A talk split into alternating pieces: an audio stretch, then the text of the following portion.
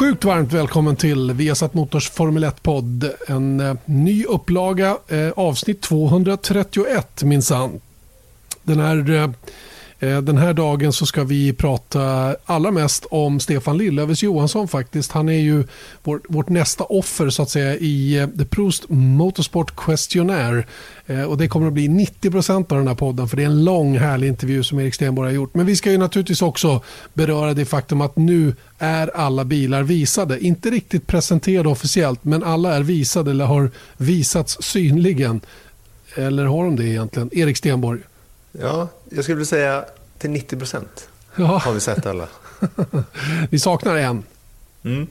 Och det är ju eh, Renault, vilket man kan väl, vi kan väl ta det lite faktiskt, att när de hade sin launch, det var ju samma dag som vi släppte, eller som vi spelade in förra veckans podd, då skulle mm. den komma. Och så hade de sin launch utan bil, vilket oh. man kan tycka var lite eh, varierande kon, konstighetsgrader där kan ja, man säga. Men vet du vad jag först slog? Jag tyckte det var ärligt på något sätt.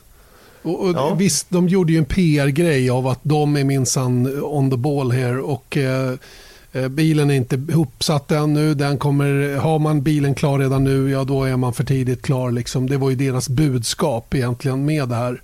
Mm. Eh, så man, vi fick några teaserbilder, delar av bilen som vi kunde se ungefär då hur den kommer att se ut. Men de menar på att de kommer att sätta ihop den här ända in i det sista nu och kommer att och liksom visa upp den idag egentligen för första gången. För idag har den gjort en rollout tror jag. Eller om det var mm. igår. Idag mm. eller igår, jag minns inte. Eh, och eh, det är ju en så kallad shakedown då, så att de vet att den fungerar då när testerna drar igång. En sån så kallad filming day som alla håller på med nu. Och, eh, men det som, man kan ju köpa det de säger också. För att det de säger är att okay, men om, om du visar upp en bil i det här läget då lägger du resurser på att liksom stripa om en gammal bil och sätta på lite nya delar och försöka dölja andra delar som man inte vill visa. Så att det finns väl någon eh, liksom, sanning i att de kanske ser det som ett annat fokus eller vad man ska säga. Men samtidigt, jag menar, det är inte något som har förgjort Renault tidigare. Så jag vet inte hur man ska tolka det där riktigt. Jag tror inte vi ska tolka det så mycket överhuvudtaget. Vi bara konstaterar att de är på, på gärdsgården tidsmässigt och eh, bilen är ju uppenbarligen ihopsatt eftersom den har rullat på banan med Esteban och kom bakom ratten och den kommer att vara med när första dagens testande drar igång. Mm. Eh, intressant är då att Williams har gjort sin shakedown eh, och mm. faktiskt redan idag kört mer än vad man lyckades med under de två första dagarna förra året. Mm. Det, det, säger bara, ganska mycket, ja. det kan, säger ganska mycket om förra året om man säger så. Verkligen, verkligen. Sen säger det väl ingenting egentligen om vad som väntar för deras del idag.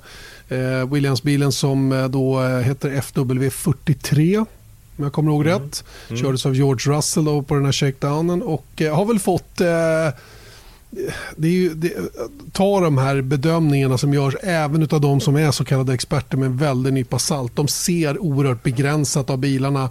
De kan egentligen inte göra någon djupare analys. Va? Men, men Gary Anderson som är en av dem som jobbar för The Race han har ju kollat på, på Williams bil och sa att den, nah, den har kanske inte tagit de kliv som den borde ha gjort. Va? Sen är det ju bara alla som går igenom bilarna lutar sig egentligen mot det teamen har berättat för dem om vad de har gjort med, med bilen. Och alla tajtar till, alla förädlar det som man egentligen hade redan och försöker att maximera det här sista året av, av de här bilarna som vi har nu. Då. Mm. Ja, exakt, och det, och det är ju det här som är lustigt att vi var inne på det förra året, för förra året och förra veckan också. Att, att det är ju det är klart att man, man försöker analysera vad man ser på en bild. Men det är ju lite så att teamen visar ju det de vill visa. Eller så lite de vill visa. Och då, då är liksom, det säger ingenting om snabbheten på banan i alla fall. Inte ett, dugg, inte ett dugg. Däremot tror jag att teamen har rätt så bra koll på vad de är. Åtminstone de tre stora. Eh, att det kan gå fel också, det fick vi bevis på förra året då när Ferrari trodde att de var en halv sekund clear of the rest of the field men inte alls var det. Så det, det kan ju också slå fel så att säga. Men eh, i allmänhet så vet de ju rätt väl var de är någonstans. Och det är väl egentligen det som jag tycker är lite synd att de har så fantastiskt bra möjligheter, datakapacitet att ta reda på hur det ser ut utan att ens ha rullat däcken på banan överhuvudtaget. Och det, mm. det tror jag det är Formel 1 stora problem när det gäller underhållningsvärdet. Det vore mer fair tycker jag att, att uh, jobba lite mer old school trial and error. Bygga en bil visserligen med de verktyg man har. Och, men sen måste man göra grovjobbet på banan. Men eh, man har ju valt att gå åt andra hållet. Köra så lite som möjligt och istället simulera allting. Och med de verktyg och data som finns idag så går det alldeles utmärkt. Det är ju bevisat gång efter annan. Mm. Och det är svårt att gå bakåt i Formel 1. Det är ju det, va? Men, men eh, jag tror att det här är någonting som de kommer att kolla på i, i det framtida reglementet. Hur mycket teamen får möjlighet att förbereda sig inför varje racehelg. Mm. Eh, att, att eh, det kan vara ett, ett sätt. Man, man, kan ju, det är ju ett vägval man gör. Antingen lägger man ju stora, för det kostar massor med pengar den här datakraften de har. Mm. Men det kostar också stora pengar att köra och vilket har man mest nytta av så att säga? Jo det är ju självklart det man gör i datorn. Men det hade varit roligare tycker jag att de fick göra jobbet lite mer old school då, på det sättet i alla fall. Mm. Men nästa vecka så drar det igång första, av, första testet, tre dagar. Jag skulle, jag skulle säga att det börjar redan imorgon. Eller ja, ja, imorgon när den här podden går ut. Just det, jag sa nästa vecka. Jag vet inte vad jag pratar om.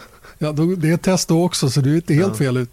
Nej, men jag har ju, jag har ju liksom, det har varit så långt fram hela tiden så nu, man glömmer bort tiden. Alltså. Ja, Jesus, visst är det det. Det börjar ju, det börjar ju den här veckan. Mm, 19 februari rullar de ut klockan 9 mm. på morgonen. Och jag drar mig lite, eller jag funderade lite igår, jag skrev tweet om det också, att eh, nu när det är så få testdagar, bara två gånger tre dagar, är det någon som drar sig mot att försöka köra 200 varv någon av dagarna? Jag tror inte man klarar det varje dag.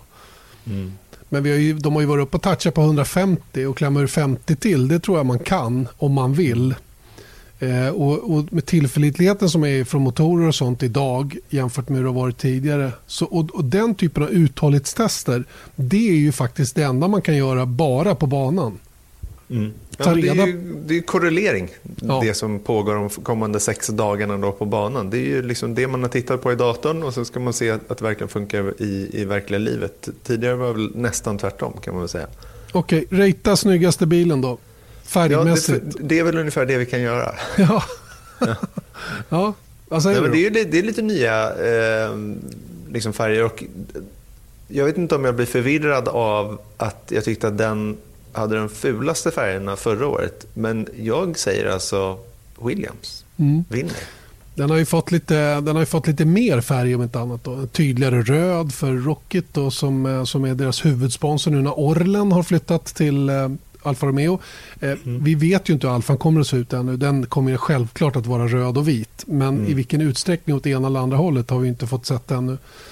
Men, eh, men ehm, jag, jag håller med, Williams-bilen ser bra ut. Jag tycker McLaren, McLarens nya jag har blivit lite småförälskad i McLaren ärligt talat. Och det här är inte på ett sätt så att jag är partisk på något sätt. Jag vill, att, jag vill vara tydlig med det innan yeah. det tugget börjar.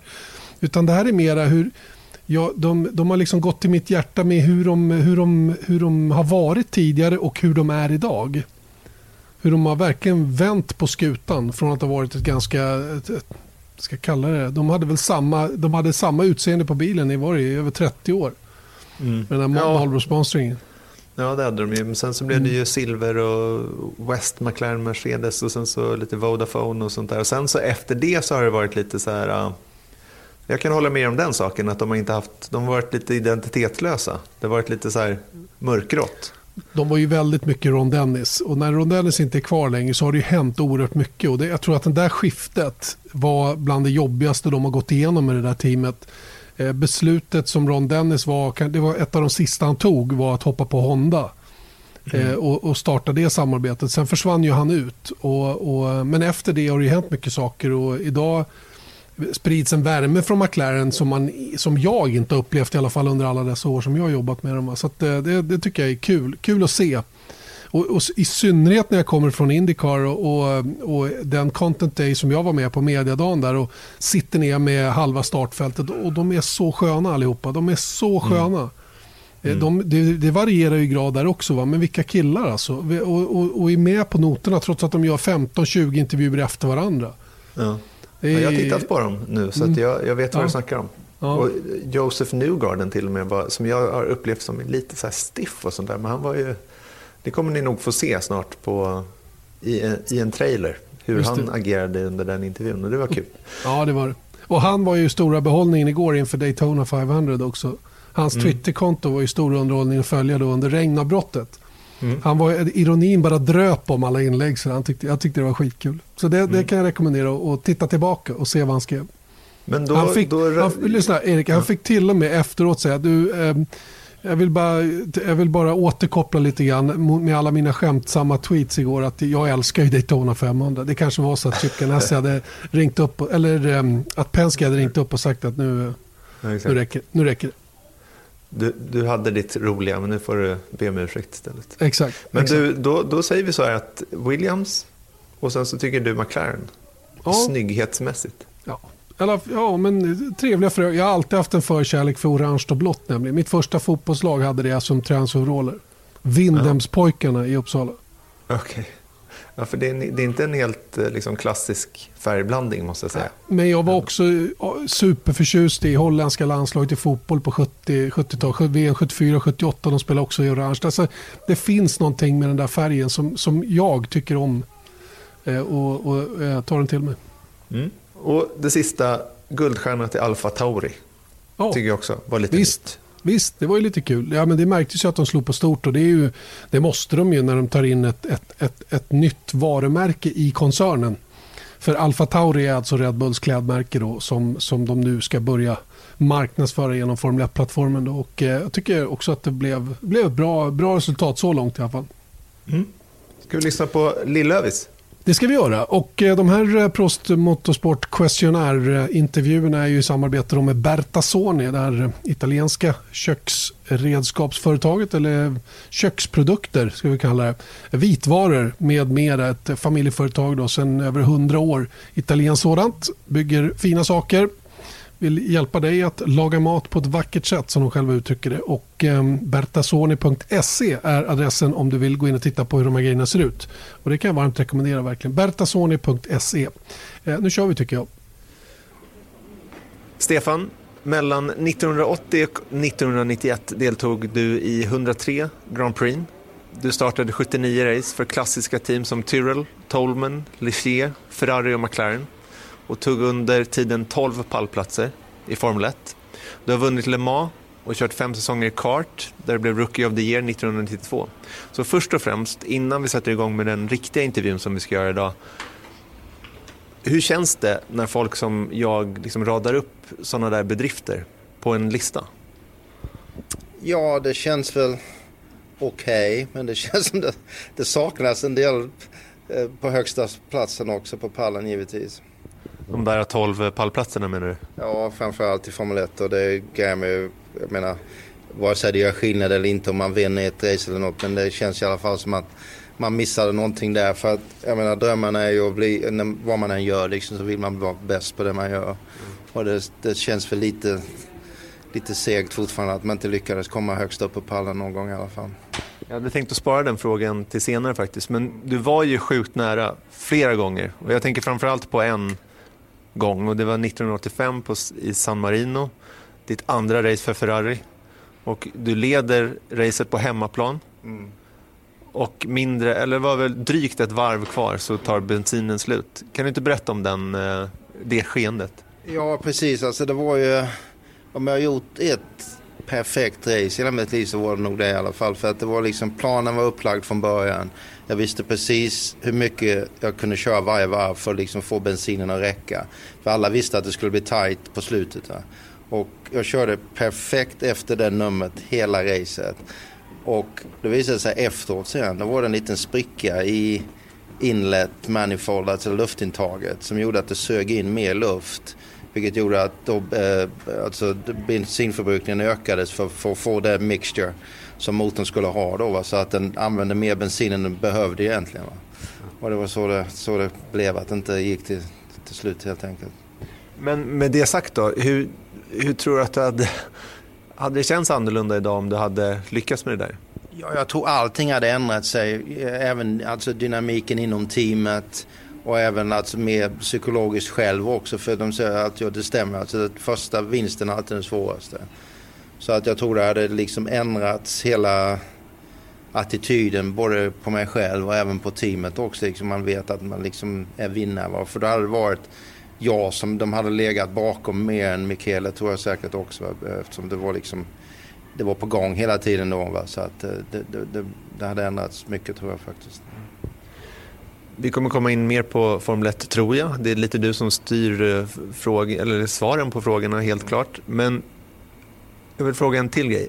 Är du fortfarande racerförare? För det känns inte som du någonsin riktigt lagt hjälmen på hyllan, på riktigt. Nej, jag har väl varit lite sådär, jag har inte gjort så mycket väsen av det hela själv. Liksom, där med för jag, liksom just, jag tror jag bestämde mig, jag vill inte att det här ska bli det officiella announcement att jag har slutat köra. För man vet ju aldrig liksom, det kan ju vara att någonting dyker upp så det är kul igen. Men jag menar, ärligt talat så de sista tio åren jag körde var ju bara för att det var kul egentligen. Va? Liksom jag körde sporadiska race där och där, liksom tre, fyra, fem race om åren kanske. Va? Det var ju aldrig någon full satsning så. Va?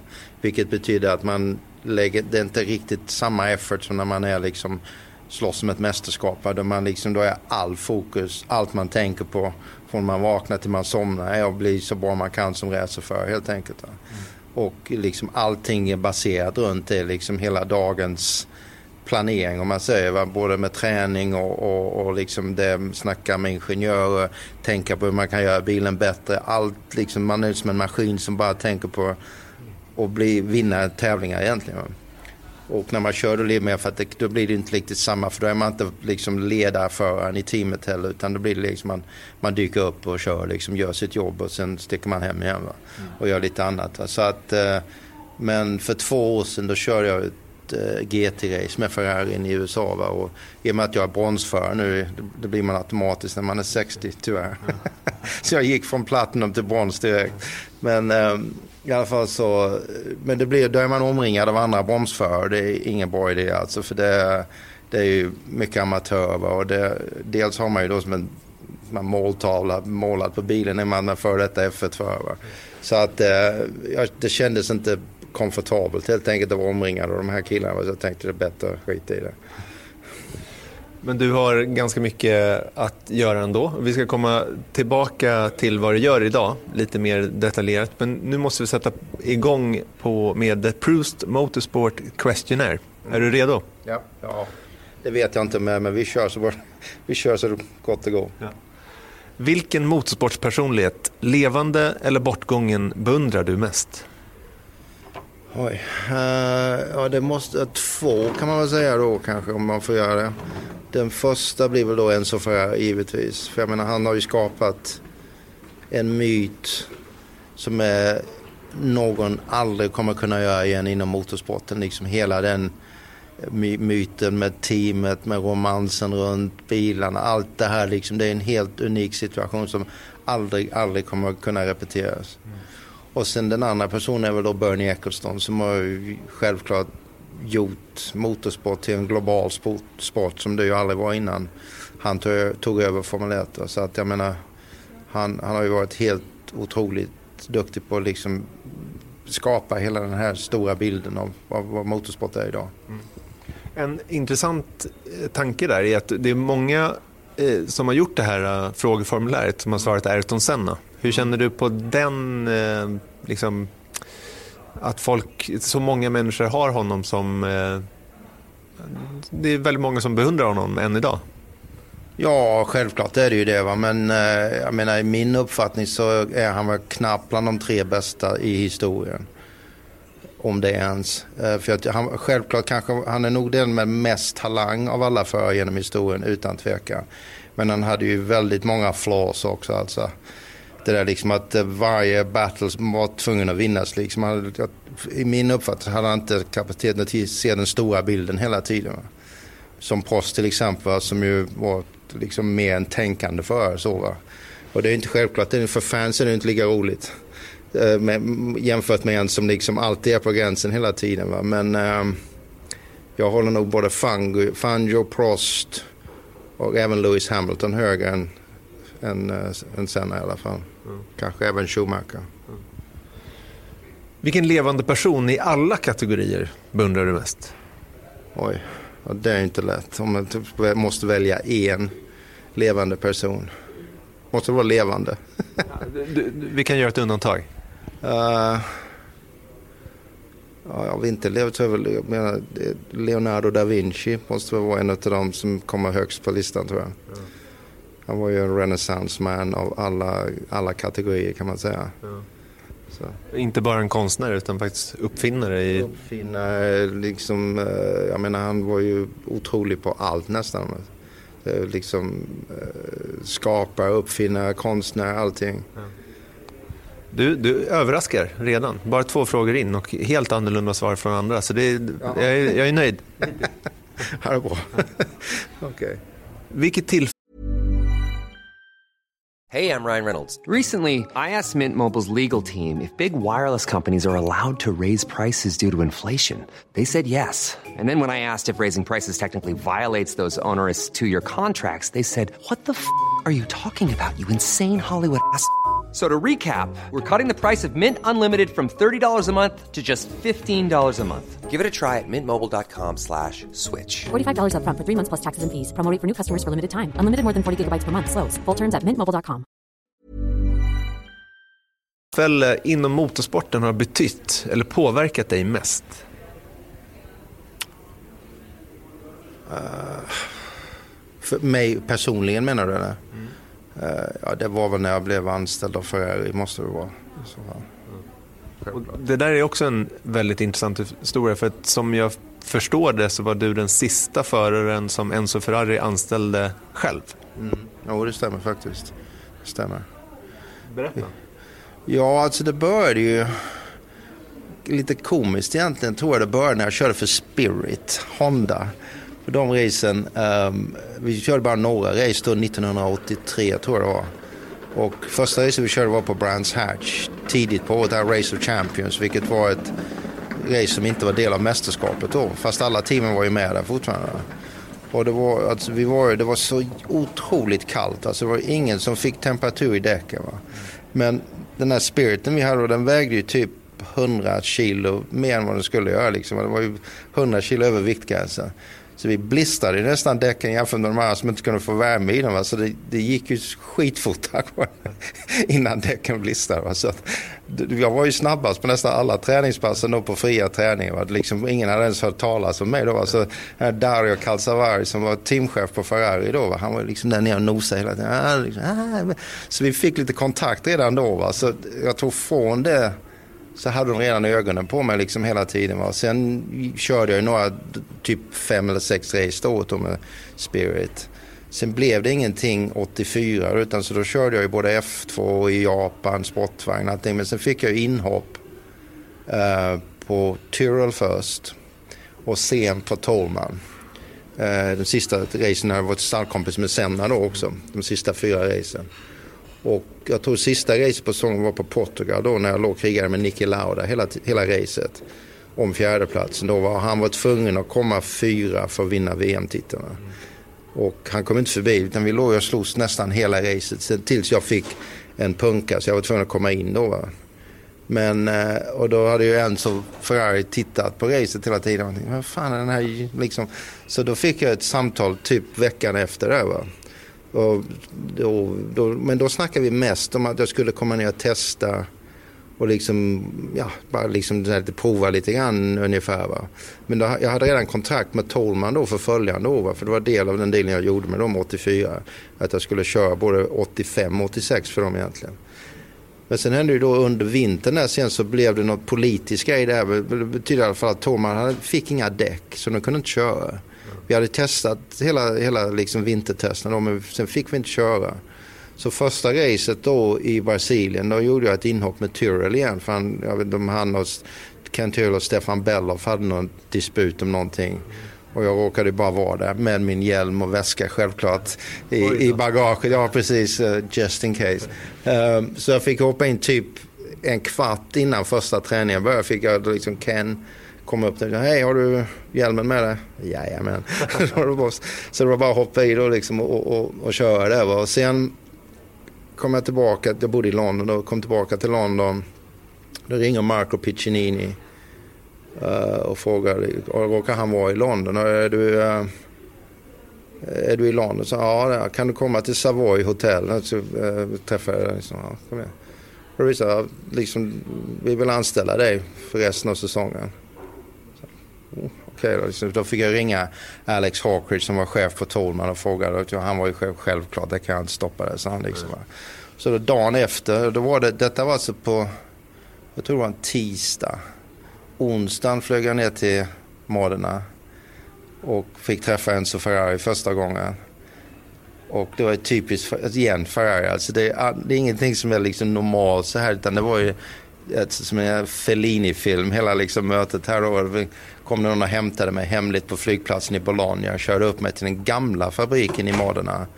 Där det egentligen finns ingen aktivitet längre. Där stod bara lite dammiga bilar och en lång, lång korridor då med små fönster och fotografier av alla Nuvolari, Sterling Moss, eh, alla de gamla hjältarna så här liksom. Alltså man hade ju gåshud när man gick genom korridoren.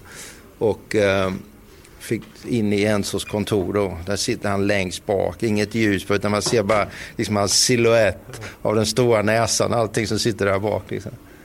Och uh, ja, då var Marco Piccinini var där och Piero Ferrari, hans son då. Och sen Enzo. Och så pratade vi lite fram och tillbaka. Så frågade han liksom, Are you hungry? Det var jag. var superhungrig för jag hade inte ätit hela dagen. Men jag misstog att det var inte det han, han frågade. Så I've never been more hungry in my life. det var rätt svar.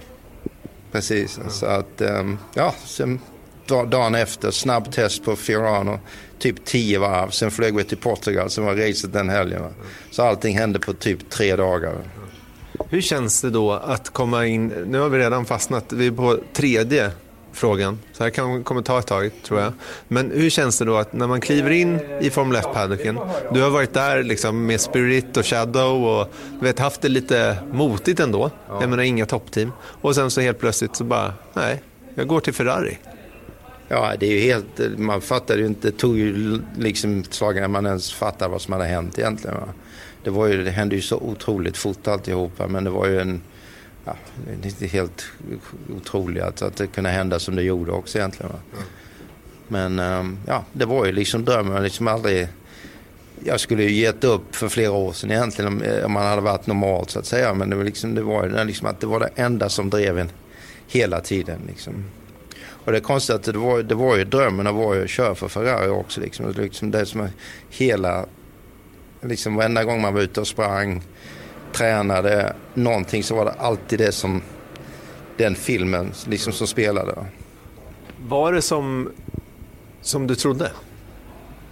Ja, det var det väl mer än vad jag trodde både på gott och ont om man säger så. Va? För det är ju, jag menar, det är mycket politik, mycket sånt. Men jag menar, det är en upplevelse som, som är liksom så otroligt få någonsin får, får uppleva. Och det är, det är en fantastisk grej, liksom även, även till idag. Alltså, nästan 30 år efter va, så är det fortfarande en helt otrolig grej. Va? Liksom, var man än är i världen, för detta Ferrari-förare, så är det liksom instant respect. Liksom, va? Och liksom det, det är så otroligt stort att man fattar inte hur stort det är. Liksom hela, hela grejen med Ferrari. Mm. Det sägs ju att, eh, jag kommer ihåg att det var någon kommentar där efter att Charles Leclerc vann på Monza 2019 då. Mm. Att han sa så nu kommer han inte behöva betala pizzan i Italien för resten av sitt liv. Nej. Betalar du pizzor? Nej men det, det, är ju, det är ju generella skämtet om man säger så. Va? Men, det, men så är det ju. Men det finns ju många roliga stories också liksom där man jag vet inte hur lång tid vi har här. Men som är nästan motsatsen också, men på, på, på ett komiskt och kul sätt så att säga. Vad då? Det måste du säga. Ja, till, ja, efter det här racet när det började Imola där när bensinen tog slut till exempel. Så, så när jag körde efter racet sen var på väg till flygplatsen. Så då jag tillbaka till London då. Och det var nästan, hade ingen soppa kvar i min, i min bil heller. Va? Så då fick jag liksom sådär hostade in på parkeringen på, på Bologna flygplats ungefär. Va? Så det första jag var tvungen att göra när jag kom tillbaka sen nästa vecka och, hem, och när jag kom tillbaka och skulle hämta upp bilen då var ju att ta en taxi och, och åka och köpa bensin så jag kunde fylla på till, så jag kom till närmsta mack åtminstone. Så jag tog taxin då va? och uh, så tittar chauffören tittar i spegeln och säger ah, Johansson? Ja, Ah, det, så liksom på italienska, jag fattar vad så, så fortsatte vi att köra, liksom körde förbi en bensinmack, en till liksom så jag Tänkte, men sir, there's a gas station. Ah, no problem, no problem. Så fortsatte vi, så i alla fall efter typ en kvart någonting. Va? Så svänger han in på en liten grusväg. Tänkte nu jävlar, nu ska jag bli kidnappad här eller någonting. Va? I alla fall så visar det sig att då, då är vi på taxistationen. Där alla taxichaffisar är liksom, där de hämtar sina bilar. Så det är typ 300 taxichaufför där. Va? Så och, kör han in där liksom, tutar här liksom. Johansson! Johansson! fick stå där i en timme och skriva autografer till alla taxichaufförer då. Och sen hämta upp bensinen. Va? Men då fick jag betala soppan efter typ en timme. Betala bensinen en kvart längre bort än man borde och när jag till slut kom tillbaka till min bil. Då, ja. Ja. Så helt klart för och nackdelar i det. Men det var ju ingen, ja, men det är ju en skön grej liksom. Det är inte att det är någon nackdel men det är kom, liksom komisk ja. händelse så liksom. Det kan ju bara hända i Italien också. Ja. Så att, uh... Men du, nu ska vi spola tillbaka bandet. Hur kommer det sig att du började med racing? Ja, det var ju helt och hållet genom min pappa. Han körde ju klubbracing då. Han var ju totalt racinggalen. Så det började, fick en gokart när jag var åtta år gammal. Då? Sen började jag köra gokart. Man fick inte börja tävla förrän man var tolv på den tiden. Va? Så jag körde då. Vi var ju rätt många hemma i Växjö som körde då gokart faktiskt. Vi hade en bra grupp. Det var väl typ en 30 man som så vi brukade åka ut i, på sommaren då, i Älmhult, även på liksom, kvällarna. Så här körde man ut i och med att det var dagsljus och sent. Så. Så det började med det. Jag körde gokart då i Sverige och lite i VM och sånt där också då till jag var 18 och sen blev det ju stora bilar efter det. Mm. Formel Ford och sen F3. Var det någonsin i Sverige till att börja med eller? Vad sa du? Du började i Sverige till att börja med, ja, med bilar? Det var bara i Sverige. Ja. Formel Ford första året då. F3 eh, och sen F3 i England 70. Första racet jag körde var ju faktiskt Monaco 77. Eh, och sen eh, efter då i England från 78 framåt. Mm. Vad är det största du upplevt inom ditt jobb i racing då, förutom att köra för Ferrari? Upplevt? Du menar alltså som... Ja, men det, det, behöver inte nödvändigtvis vara på, på banan, tänker jag. Och det var det ju inte när du signade för Ferrari heller. Nej. Men det liksom, om vi tar på banan, vad är det största du upplevt när du har varit på, på en bana? Oh, är svårt att dra ner det till en sak. Alltså, för det, så det, men även om man tittar resultatmässigt så utan det är ju jag menar, om du, tror det, du frågar alla förut så säger de nog samma sak. Det behöver inte nödvändigtvis vara en tävling man har vunnit. Utan det kan ju vara, jag menar, det är många, många race när man inte har rätt bil.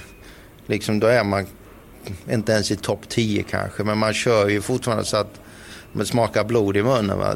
Liksom man kanske har strider med tre andra världsstjärnor som också har taskiga bilar just den dagen. Va? Och liksom inte ger varandra en centimeter men liksom hård, tuff racing hela tiden. Va? Och det har ju varit många, många, många sådana tillfällen då liksom man bara njutit av det liksom för att det har varit liksom på gränsen hela tiden men ingenting att visa för det om man säger så. Mm. Men det är just det, jag menar det är ju det som, som är hela grejen för mig i alla fall med racing. Liksom, att just det att man måste, man måste leva i momentet på något vis. För, liksom, för när alla stjärnorna linas upp korrekt då vinner man. Om man inte fuck it up själv liksom, va? Så, så, så vinner man ju. Så är det ju bara liksom. Tyvärr så är ju racing lite konstigt på så vis för att du, du kan inte vinna om du inte har rätt material. Va? Mm. Men däremot så kan man ju inte liksom vara miserabel bara för att man får ju fortfarande njuta av momentet. Liksom verkligen visa. Men nu när jag tänker på när jag snackar så tror jag det, det moment som är mest står kvar i minnet. Det är nog kvalet på Indianapolis sista gången jag körde där. För det var något helt sjukt alltså. Det var um, nio försök innan vi kvalade in. Va? Det var ju jag och Pen jag körde med Penske då fast jag hade ju privatteam. Och sen Penske fabriksbilar. Och Penskebilarna var helt ute ur bilden det året. Va? De gick inte fort helt enkelt. Va? Så det, var ingen som kvalade, varken jag eller Emerson Fittipaldi eller Alonso Junior. Va? Så att i alla fall, eh, för, jag menar det är en lång historia, men alltså efter nionde försöket på sista dagen, tre minuter innan pistolen gick av på Bubble Day då, som det kallades på den tiden, så um, lyckades jag knuffa ut Emerson. Mm. Så jag kom in i racet då. och det var liksom så här som man var totalt i Twilight Zone liksom. Hade, du vet, man var i sån zon så det liksom inte, man tänkte inte som en vanlig människa helt enkelt. Man var liksom i en bubbla bara så här. Va? Mm.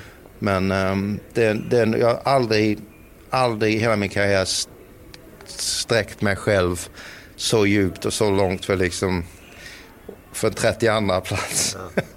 på grid. Va? Och det där finns på Youtube, jag har sett hela den, eh, det kvalet. Det är bara att googla på det på, på Youtube så kan man hitta det där. Och det rekommenderar jag att göra. Men jag kunde inte hjälpa att jämföra det med vad, vad som hände, fast tvärtom egentligen, för um, Fernando Alonso mm. 2019 när han försökte kvala in med, med McLaren och istället var det Juncos va, som, ja. som slog ut eh, McLaren. Då. Men det här var ju ännu värre för att det var ju Penske. Det är ju, och alla vet vad Penske är idag. Det är det som är grejen. Alltså Indy är ju fantastiskt på så vis. Alltså att det, det tar ut det värsta och det bästa av alla i princip under den månaden man är där. Va? Och eh, jag menar, så det, jag kunde inte, jag vet, det tog nästan fem dagar när jag var som en vanlig människa igen. Jag var totalt väck i huvudet alltså. Det var, jag hade grävt så djupt. För liksom, när jag kom hit, efter näst sista försöket så körde jag bara förbi där teamet stod parkerat och rakt in i den här besiktnings follan som man har där som man måste stå i för att kunna köra ut igen. För jag visste att det var ont om tid va? så jag liksom bara körde rakt ner dit. Så kom de ner då, ingenjörerna allihop. Liksom, ta bort all vinge bara. bara så mycket ni kan. Nej, det är okej okay, liksom. Det, det vågar vi inte göra. För normalt går man typ en kvarts grad varje gång på justeringarna. Så det var typ två och en halv grader på en gång. Va? Och det, det är skitsvårt att få veta var man är balansen då fram och bak på vingarna. Va? Nej, det var, nej, fan, just do it. Mm. Fuck it. Just liksom så här. Och, och de liksom, ah, kom, behöver inte göra det, det är okej. Okay, just do it. Så jag körde ut liksom. Och sen första varvet då liksom, sen, eh, kör man inte fullt så är det, då är det kört. Va? Det går inte liksom, det går inte tillräckligt fort. Så jag var liksom, satte vänsterfoten ovanpå högerfoten för att den skulle få sån här liksom comfort lift som man, utan man vet att man lyfter så, så verkligen, bara tryckte ner och skrek. Så liksom. Hela rakan in i första svängen. Det höll ju i, va? det höll i bra. Det var bra balans på bilen. Sen gick det ju skitfort hela, hela fyra varven. Då, va?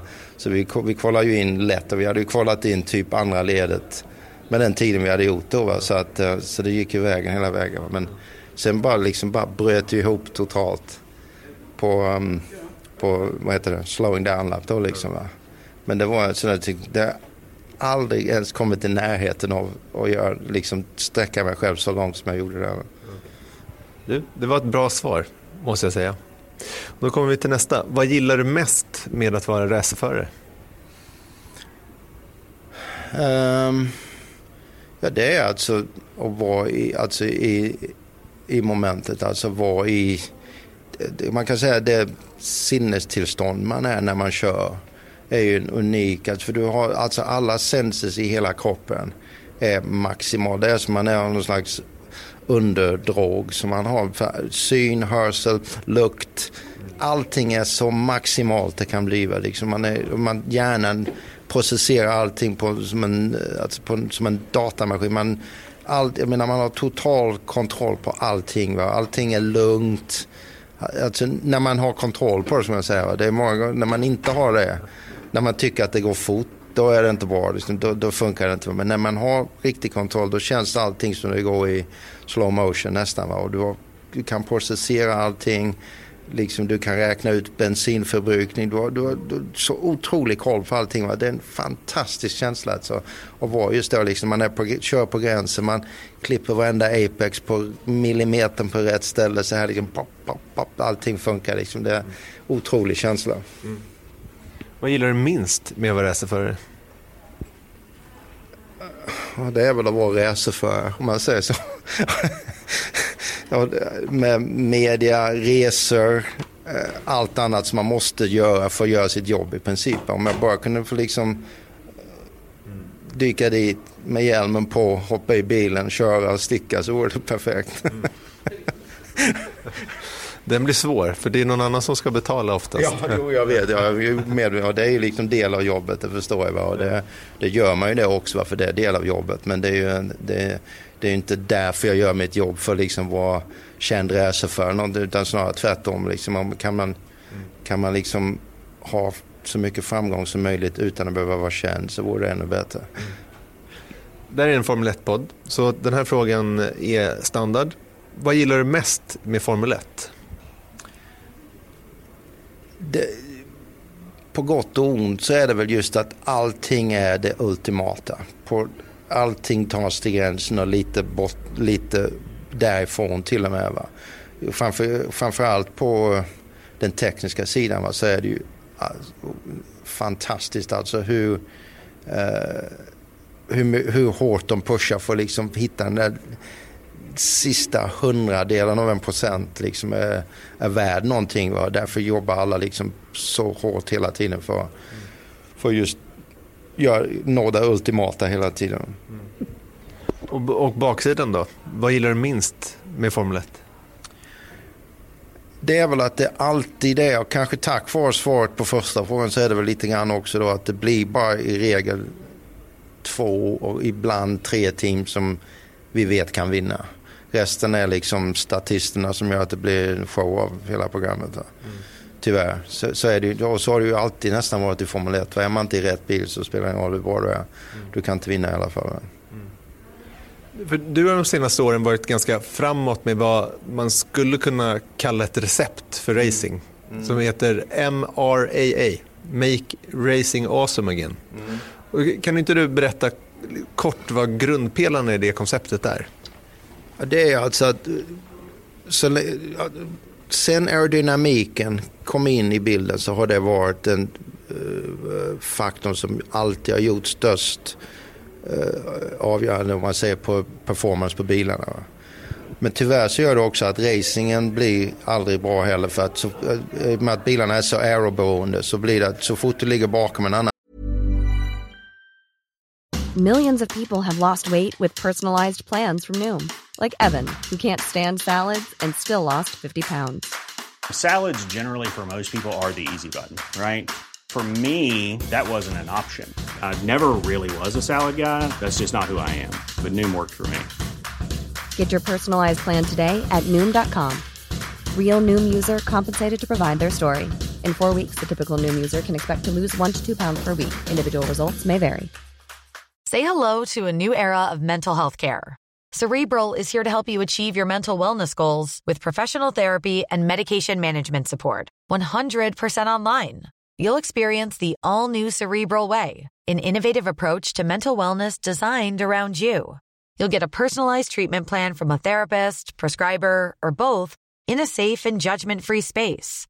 Your cerebral therapist or prescriber will outline a customized plan with clear milestones along the way so you can get to feeling your best. With Cerebral, you're not alone in your mental health journey. We're here to empower you to live a fulfilling life. So take that first step towards a brighter future and sign up today at cerebral.com slash podcast and use code ACasts to get 15% off your first month. Offer only valid on monthly plans. Other exclusions may apply. Offer ends July 31st, 2024. See site for details. Bil så förstörs all luft på framvingen och då gör, då gör det mycket svårare att köra om. Va?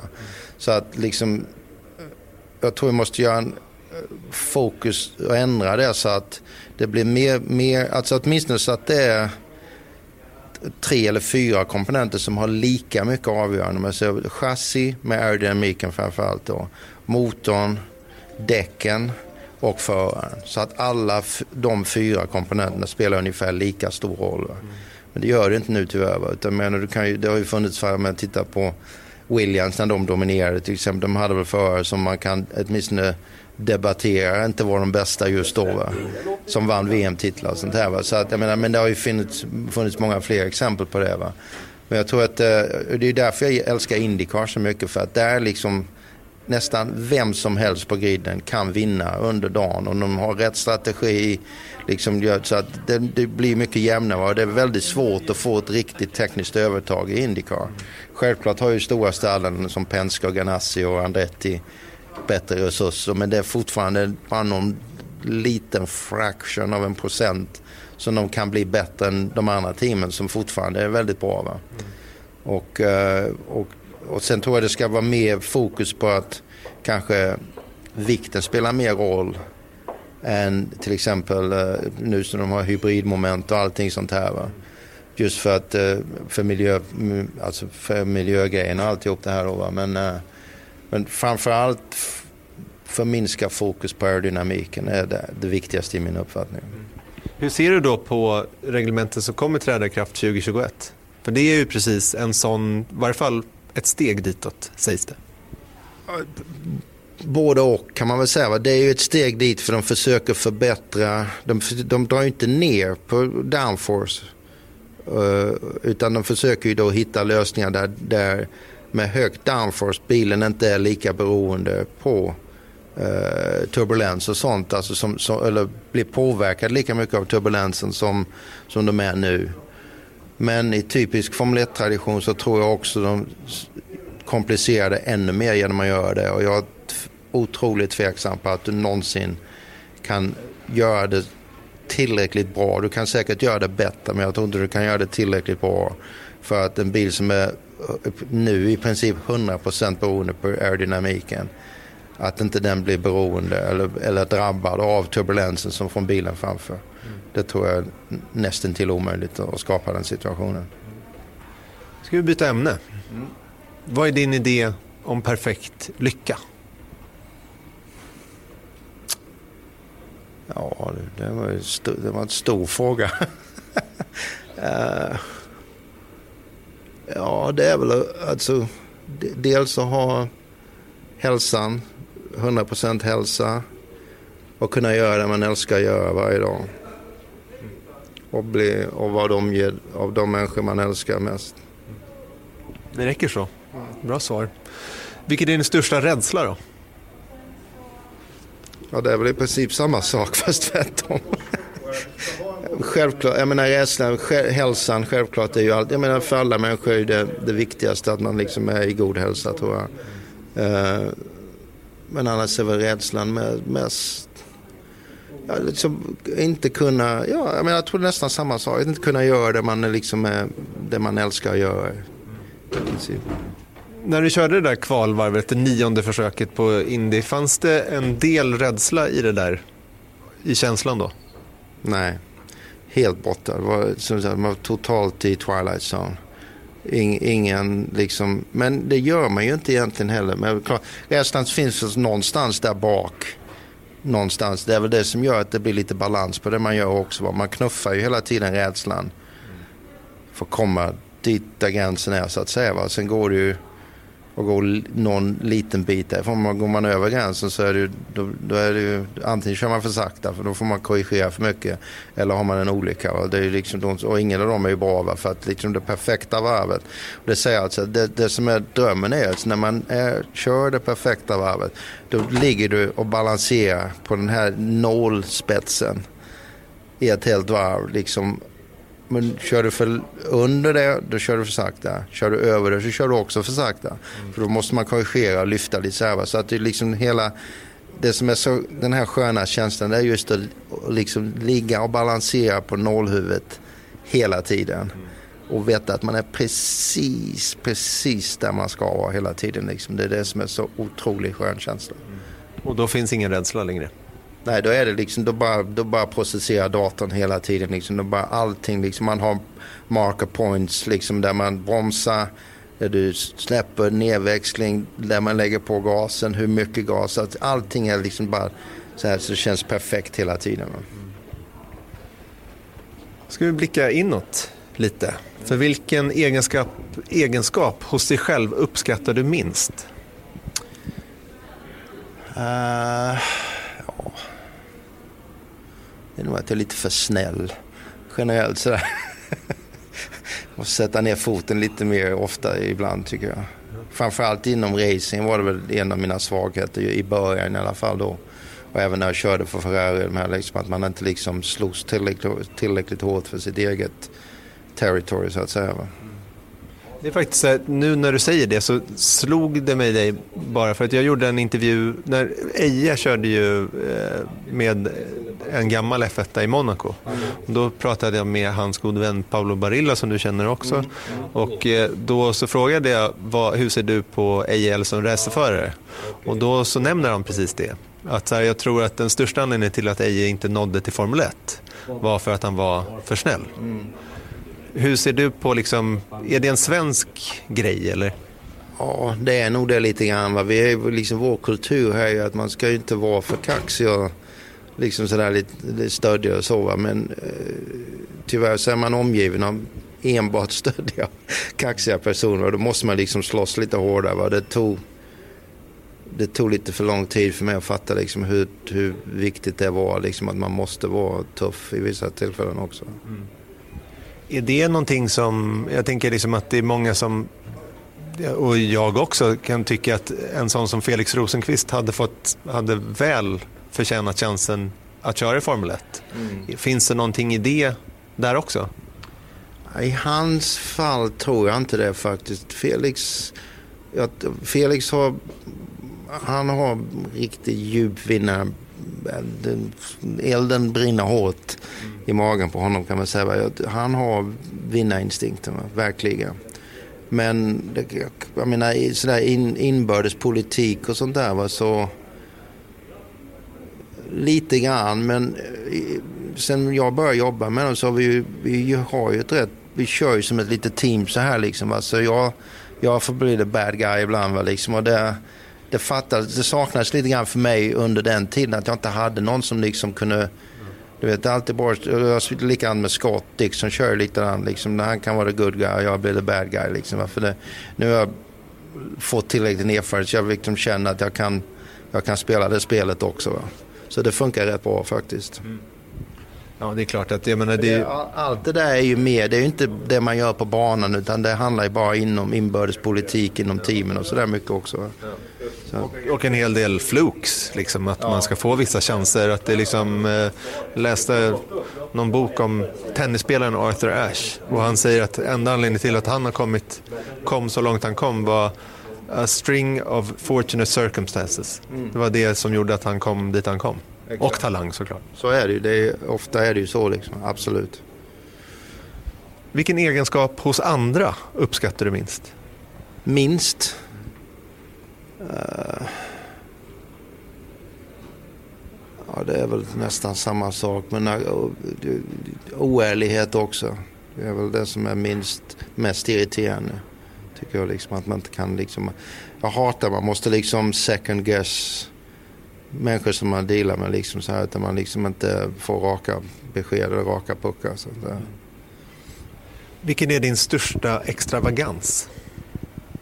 Ja, det, det, jag har inga stora extravaganser egentligen så, utan det, jag vet inte vad det kan vara.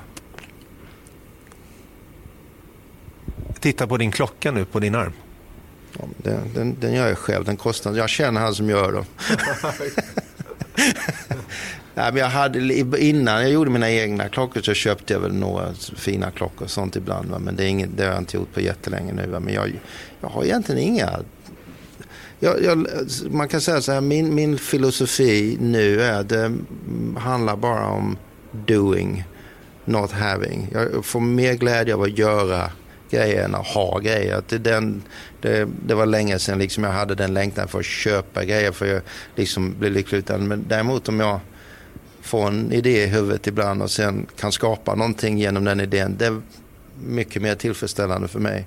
Vare sig det är en klocka eller nu mycket med konsten då är jag ju ännu mer tillfredsställande. För då, då börjar det en idé i huvudet, sen utvecklar man den idén och sen liksom byggs den och sen händer det någonting och sen ser man den slutliga produkten framför sig. det är en, man kan säga att det är ju mycket, mycket, mycket mer tillfredsställande än att gå och köpa en ny klocka eller en ny bil eller vad det nu kan vara för någonting. För nu när vi är inne på det, klockor och konst ligger dig nära om hjärtat. Mm. Du har ditt egna eh, klockmärke och du målar mycket. Mm. Va, vad är det som... Liksom, vad är grejen med det för dig? Ja, det är alltså, jag menar, det, jag vet, det är ju något som jag älskar att göra helt enkelt. Just det att skapa och få liksom, mm. utveckla idéer i mitt huvud. Sån här, jag har alltid varit intresserad av konst sedan jag var liten och, och, köpte lite konst under åren när jag körde Formel 1 och sånt här. Och sen utvecklades det till att jag började göra mina egna saker då och, och måla själv. Och sånt. Och det är, nu kan man säga är det är min stora passion. Va? Förutom racingen då som är eh, självklart. Men alltså jag är i min studio varje dag i princip nu va? och målar och, och jobbar på olika idéer och liksom utvecklar nya saker och sånt här. Va? Så det, och jag älskar det liksom. Det är, mitt, det är mitt liv nu kan man säga. Va? Doing, helt enkelt. Doing, not having. Vid vilka tillfällen ljuger du? Ja, det är en bra fråga. Det är nog mest när man inte vill göra någon ledsen. Det är liksom att man vill, vill liksom undvika att göra let someone down eller vad man ska säga. Va? Det kanske rimmar med det där som du sa att du är för snäll. Ja, det gör det säkert. Vad gillar du minst med ditt utseende? Ja, det var ju... Ja...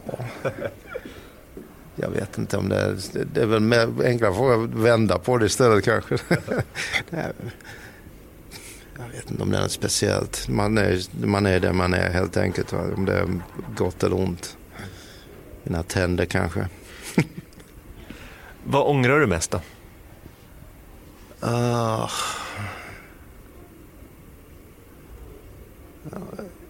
Ja, det är väl det är samma sak igen. Alltså det jag ångrar mest är väl att man liksom inte var lite tuffare de åren man skulle behövt vara lite tuffare kanske. Mm. Var och när var du som lyckligast? Ja, det är ju nästan varje dag. Alltså är, jag känner inte om det är någon speciell dag eller något moment. Utan jag menar, jag har ju haft eller, tur eller hur det nu är, liksom omständigheter vad det är. Men jag menar, det, allt jag har gjort i hela mitt liv sedan jag var 18 år gammal är ju det jag älskar att göra mest av allt. På något vis fick jag det att funka både som förare och nu liksom nu när jag eh, då gjort den här transition lite mer till konsten. Ja, Men det, det jag gör varje dag, det är det jag älskar att göra. Jag tror inte jag kommer ihåg en dag faktiskt när jag vaknade och tänkte fy fan vad jobbigt, nu måste jag liksom gå och jobba. Utan det är just vakna, ta min dubbel espresso, sen är jag liksom lycklig med det jag gör helt enkelt. Vare sig det är konsten eller med racing eller vad det nu är. Liksom, mitt, jag känner mig helt lycklig med mitt liv varje dag kan man säga. Det låter otroligt härligt. Men då vill jag komma till en sak som har slagit mig ju längre jag har gjort den här intervjuserien. Det är att jag har tänkt mig när jag, när jag översatte de här frågorna, för det är inte jag som har gjort alla frågor, utan då, är det liksom, då har jag tänkt att här kommer det komma speciella tillfällen, segrar i förares karriärer. Men det är nästan aldrig det som kommer upp, utan det är snarare så att så här, ja, men det är kul när man har vunnit Le Mans som du gjorde 97. Visst fin- var det en lycklig stund generellt sett, upplever jag det som, men det försvinner efter fem minuter. Det är ingen bestående lycka. Liksom. Nej, absolut inte. Det är därför jag säger liksom att för mig lärde jag mig ganska, alltså det är ju att leva i momentet just med det. Va? För jag menar, jag kommer ihåg, visst fan, det, var ju fantastiskt att vinna Le Mans och självklart är det någonting jag eh, uppskattar hela mitt liv och det är en stor, stor grej i min karriär och det är allting sånt. Va?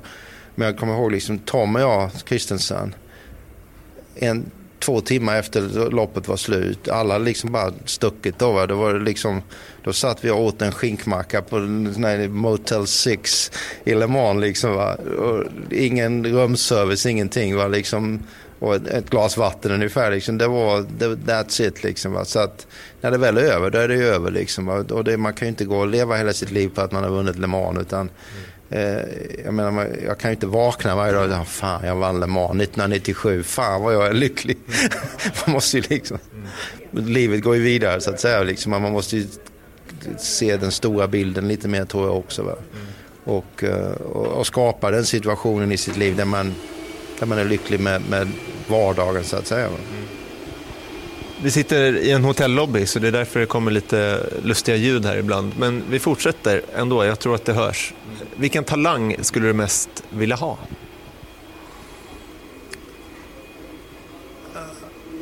Det hade varit kul att ha haft talangen att kunna göra musik tror jag. Jag har försökt men jag, jag, var, jag kan vara rätt bra på nästan allting jag försöker göra men musik funkar inte. Jag har haft de bästa gitarristerna i världen och försökt lära mig att spela gitarr under årens lopp men det är liksom, det går inte bara. Det är, det är någonting som inte, som inte funkar där va. Så att eh, det är väl en sak som har varit kul för jag tror musik av alla former av konst så är det nog det som är verkligen en vän för livet. Om man kan plocka upp en gitarr och spela eller piano eller vad det nu är så tror jag det är en helt fantastisk grej. Vad anser du vara din största prestation med motorsportsanknytning? Vi har varit inne på det här lite, så det är vissa grejer som tangerar andra svar kanske, men om du, om du tar frågan för vad det är. Um, Du får vänta lite medan eh, dammsugaren åker förbi här. Nej, det är faktiskt en golvputsare. det var ju bra timing. um, min största prestation, ja, jag menar självklart är det ju de resultaten då, som jag har haft, eh, Le Mans självklart va, och, och det här. Men också sen om man tittar lite grann då efteråt. Eh, nu i, så här, i eftertanke så tror jag att det är stor prestation både med Scott och kanske även med Felix lite grann var väl att få deras karriär och gå i rätt riktning igen. Va? För Scott var ju, att få in honom på Ganassi, när jag fick in honom där var, om jag får skryta lite med mig själv, så var det liksom min, vad säga, min kunskap och erfarenhet inom racing som tror jag att gjorde att jag fick det att hända så fort som det För det var typ en timing på två dagar. Hade inte det hänt så hade han varit stack. Mm. Och då hade han kanske aldrig kommit någon vidare sen i karriären. För det var liksom, så här, jag kunde se, han var och körde för ett annat team som heter Pac West. Men jag kunde se att det, liksom, alla löften de gav, allting om det här var att det här kommer inte gå många tävlingar till innan de lägger ner.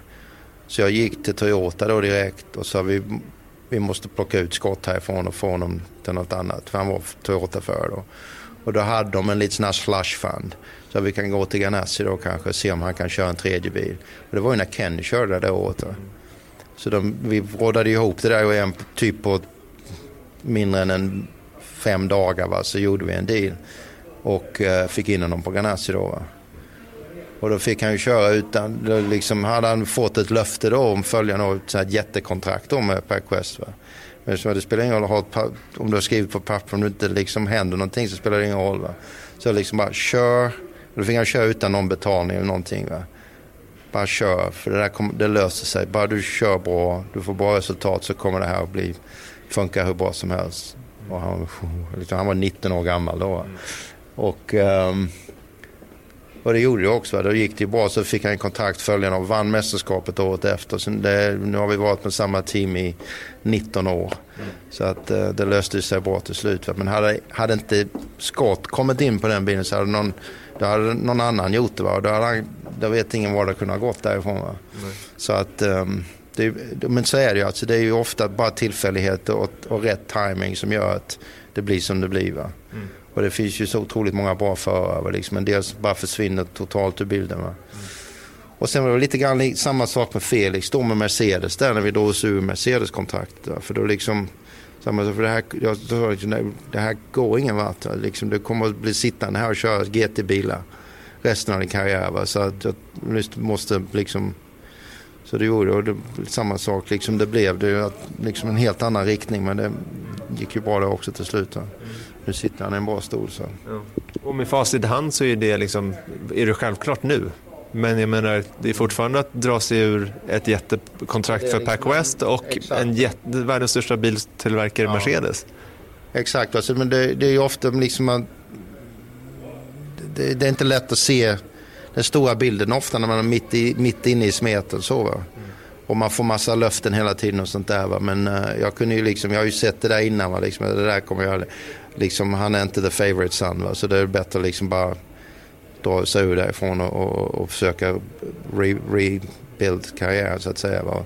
Så då körde vi ju Japan, körde ju allt som gick att köra i princip. Och fick en test med Ganassi då också. Va? Och sen var det ju liksom, efter det var det ju, var det ju klart. Va? Mm. Vilka är dina favoritfilmer med motorsportsanknytning? Lite andra kast här nu. Ja, jag är lite...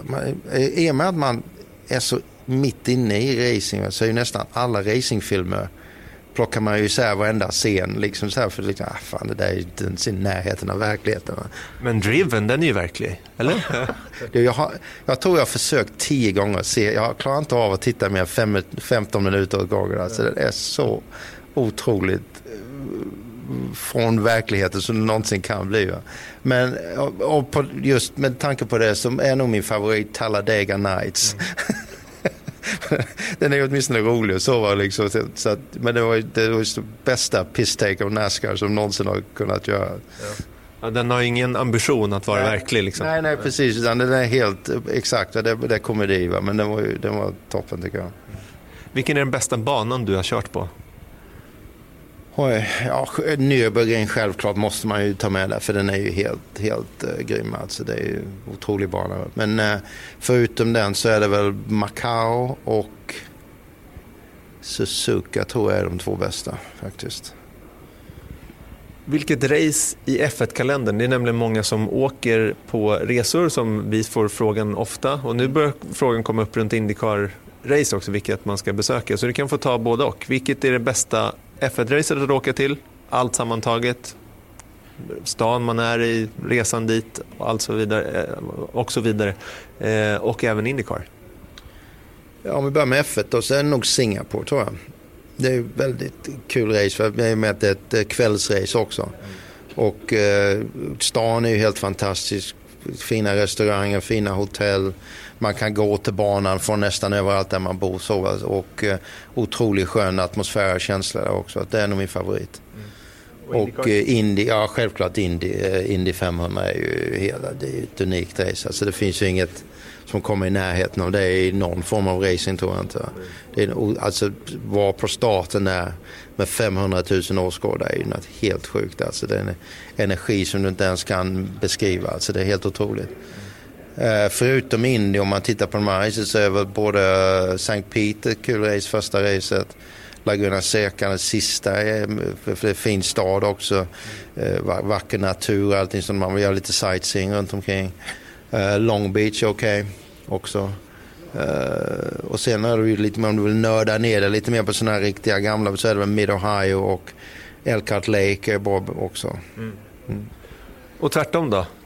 Vilka är de sämsta racen att åka till? Vilket race kan du helt enkelt inte vänta på att åka ifrån? Ja, det är väl lite unfair kanske. Men det väl, nu har jag inte varit på eh, många av dem i F1, alltså de nya banorna. Så, men uh, jag vet inte om det finns, vilka jag kan tänka mig där. Uh, de är nog okej okay, de flesta tror jag faktiskt. Så. Det var väl, Korea var väl lite, för det var typ en timme från närmsta stad. Någonting. Jag vet inte Baku, eller inte Baku men uh, Sochi. De säger det, det är inte så mycket som händer där heller. Va? Jag har inte varit där men... Uh... Det är nog mycket att man är i Ryssland också. För att vara lite elak så är det inte det alltid så himla positivt. Alla dagar i veckan i alla fall. Okay. Jag, jag kan inte säga, för jag har inte varit där så jag kan inte säga. Jag har bara hörsägen. Så att, mm. Annars vet, kan jag inte tänka på någon direkt som är... De är rätt coola allihop faktiskt tycker jag. Mm. Trots allt. Det, jag menar, Spa är ju fantastisk bana. Även om det inte finns någonting i närheten som är värt att se. Liksom, och inga speciella hotell eller någonting sånt. Va? Men, uh, men banan är ju fantastisk också att titta på. Så, alltså. mm. Hur fort har du kört? Både på bana och i trafiken? På bana så tror jag, jag kanske har rekordet fortfarande, jag vet inte. Men på, innan de hade chikanerna på Le Mans så hade jag rekordet på 407 kilometer på kvalet 1984.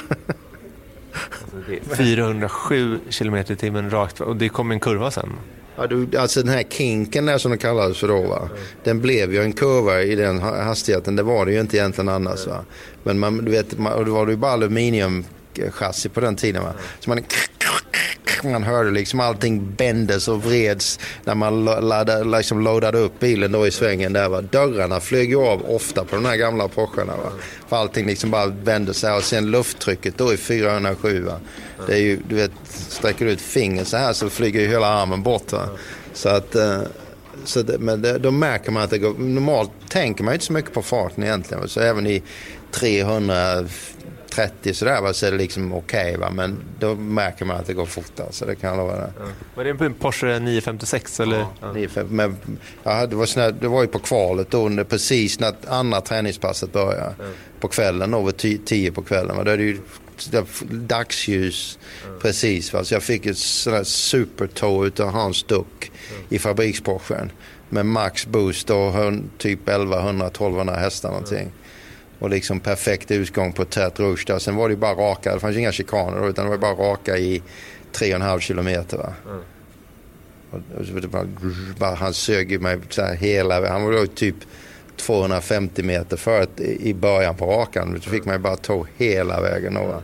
så det var, det, var, det var rätt häftigt faktiskt. Trafiken då? Ja, på Le Mans menar du? Ja, alltså i, i vanliga trafiken. Ja, Jaha, eh, ja jag vet Jag måste tänka efter där men jag har väl kört. Jag tror över 300 i alla fall. Ja. Vad är det där med att ljuga nu? Vilket? Ja, men det är att om, du, om du ljuger eller inte. Vilka tillfällen ljuger du? ja. Nej, men jag hade en, eh, jag hade en Testarossa i, till låns i Belgien faktiskt till Grand Prix där. Så jag tror jag var uppe över 300 där med den på vägen till banan. Det är bra jobbat. Vilken Formel 1-bil tycker du är vackrast genom historien? Oj, genom historien. Uh, ja, jag tror nog den Lotus 72 den var rätt snygg. Den Kilform, den var när den kom ut och den var ju vägd. Men den, den är, det är nog den som jag tycker är snyggast. Och om du tar alla racerbilar, vilken är vackrast? Eh, Det måste ju vara Ferrari P4, den Le Mans-bilen. Den är ju så otroligt vacker. Linjerna på den är ju helt underbara. Så. Ja. Jag tar Porsche 962 tror jag. Nej, den är för mycket vingar och grejer på den redan.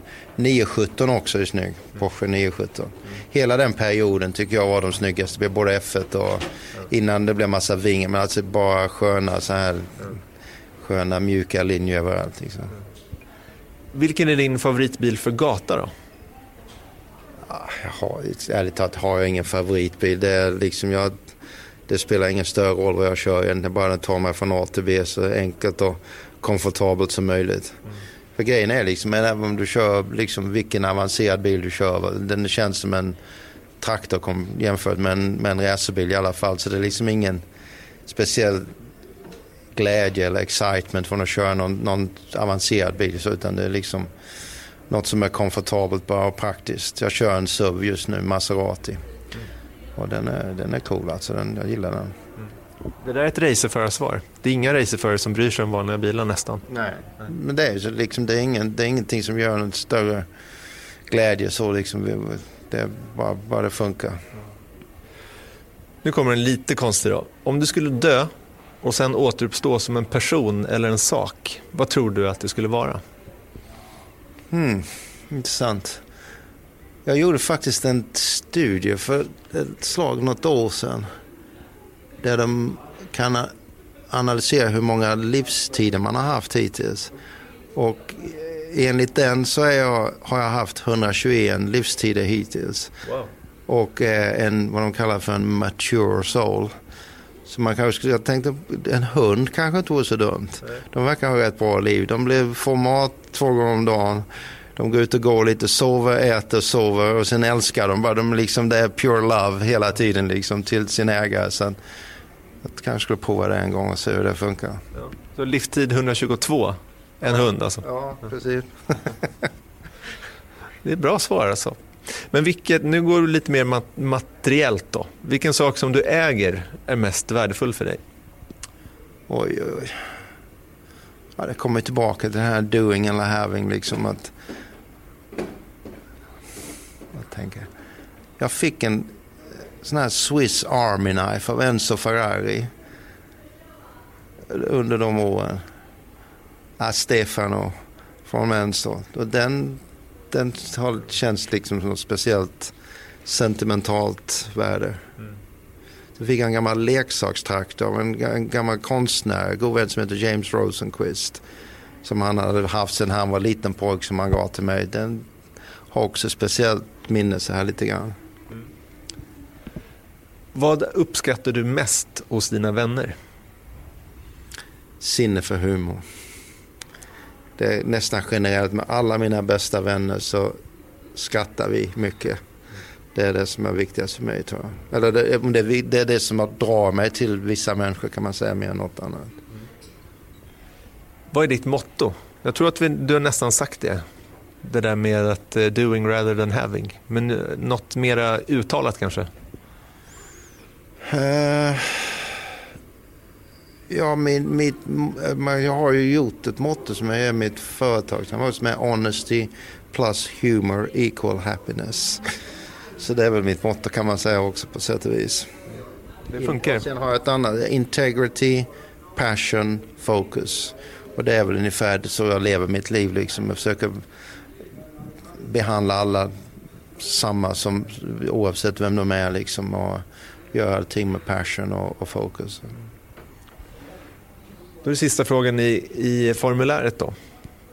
Som vanligt en enkel sådan. Vad tror du är meningen med livet?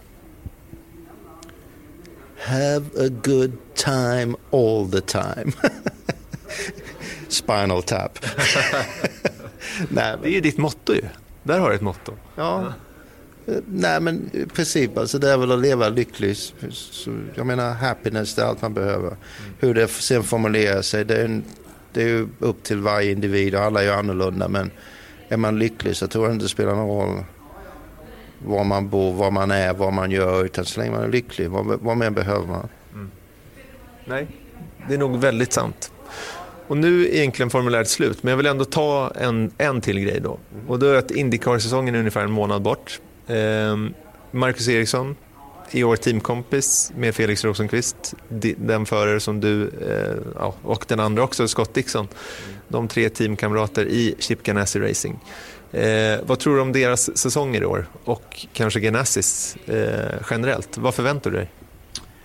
Jag förväntar oss stora saker från både teamet och alla tre tror jag faktiskt. Jag tror det kommer att bli bra år. Jag tror det är bra att Marcus är med också. En tredje bil hjälper alltid. Så länge alla är lika, snabba lika snabba och kan dela information med varandra. Så. Och förhoppningsvis gillar de bilen tror jag de kommer göra. Både Felix och Scott är ju rätt lika i inställningar och sånt. Va? Så de kan ju föda av varandra. Det tror jag Marcus är närheten är också. Va? Så det tror jag inte är någon fara.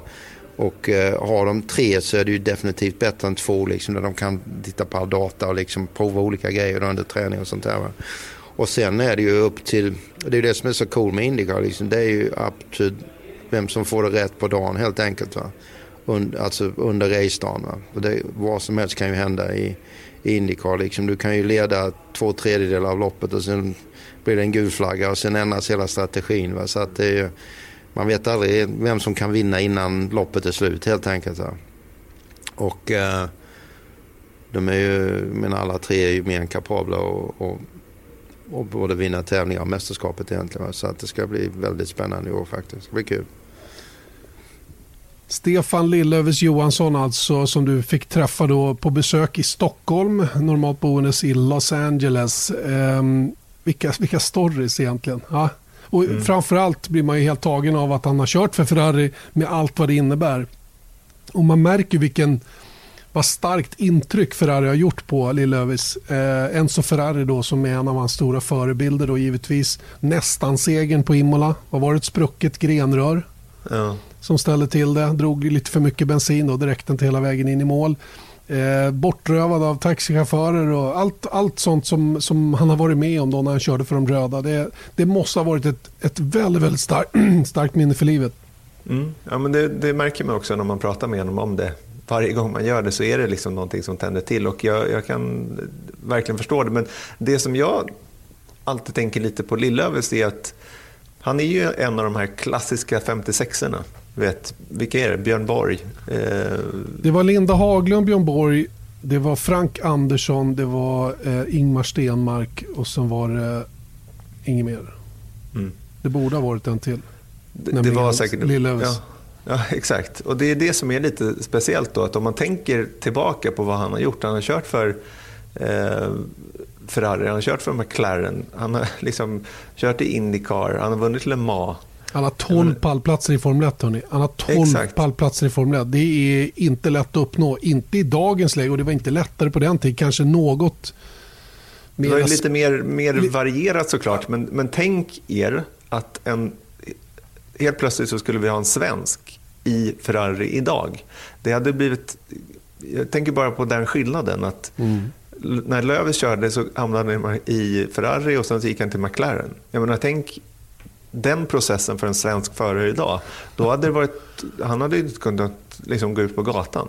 Ja. Antagligen. Jo, det hade han. Jo. Men jag menar bara, han hade varit en super, superkändis ja, men det i hade Sverige. Varit, det hade ju varit talkshows varje vecka och allt vad det nu är. Det hade funnits ett sug efter en sån förare på ett helt annat sätt än, än vi upplevde under till exempel Marcus Erikssons period. Mm. Så att, men det är eh, ändå, jag, jag, jag kan inte... Jag, det är, det är verkligen en, en legacy i mm. Eh, svensk motorsport som liksom kanske inte har fått den uppmärksamheten som det faktiskt förtjänar.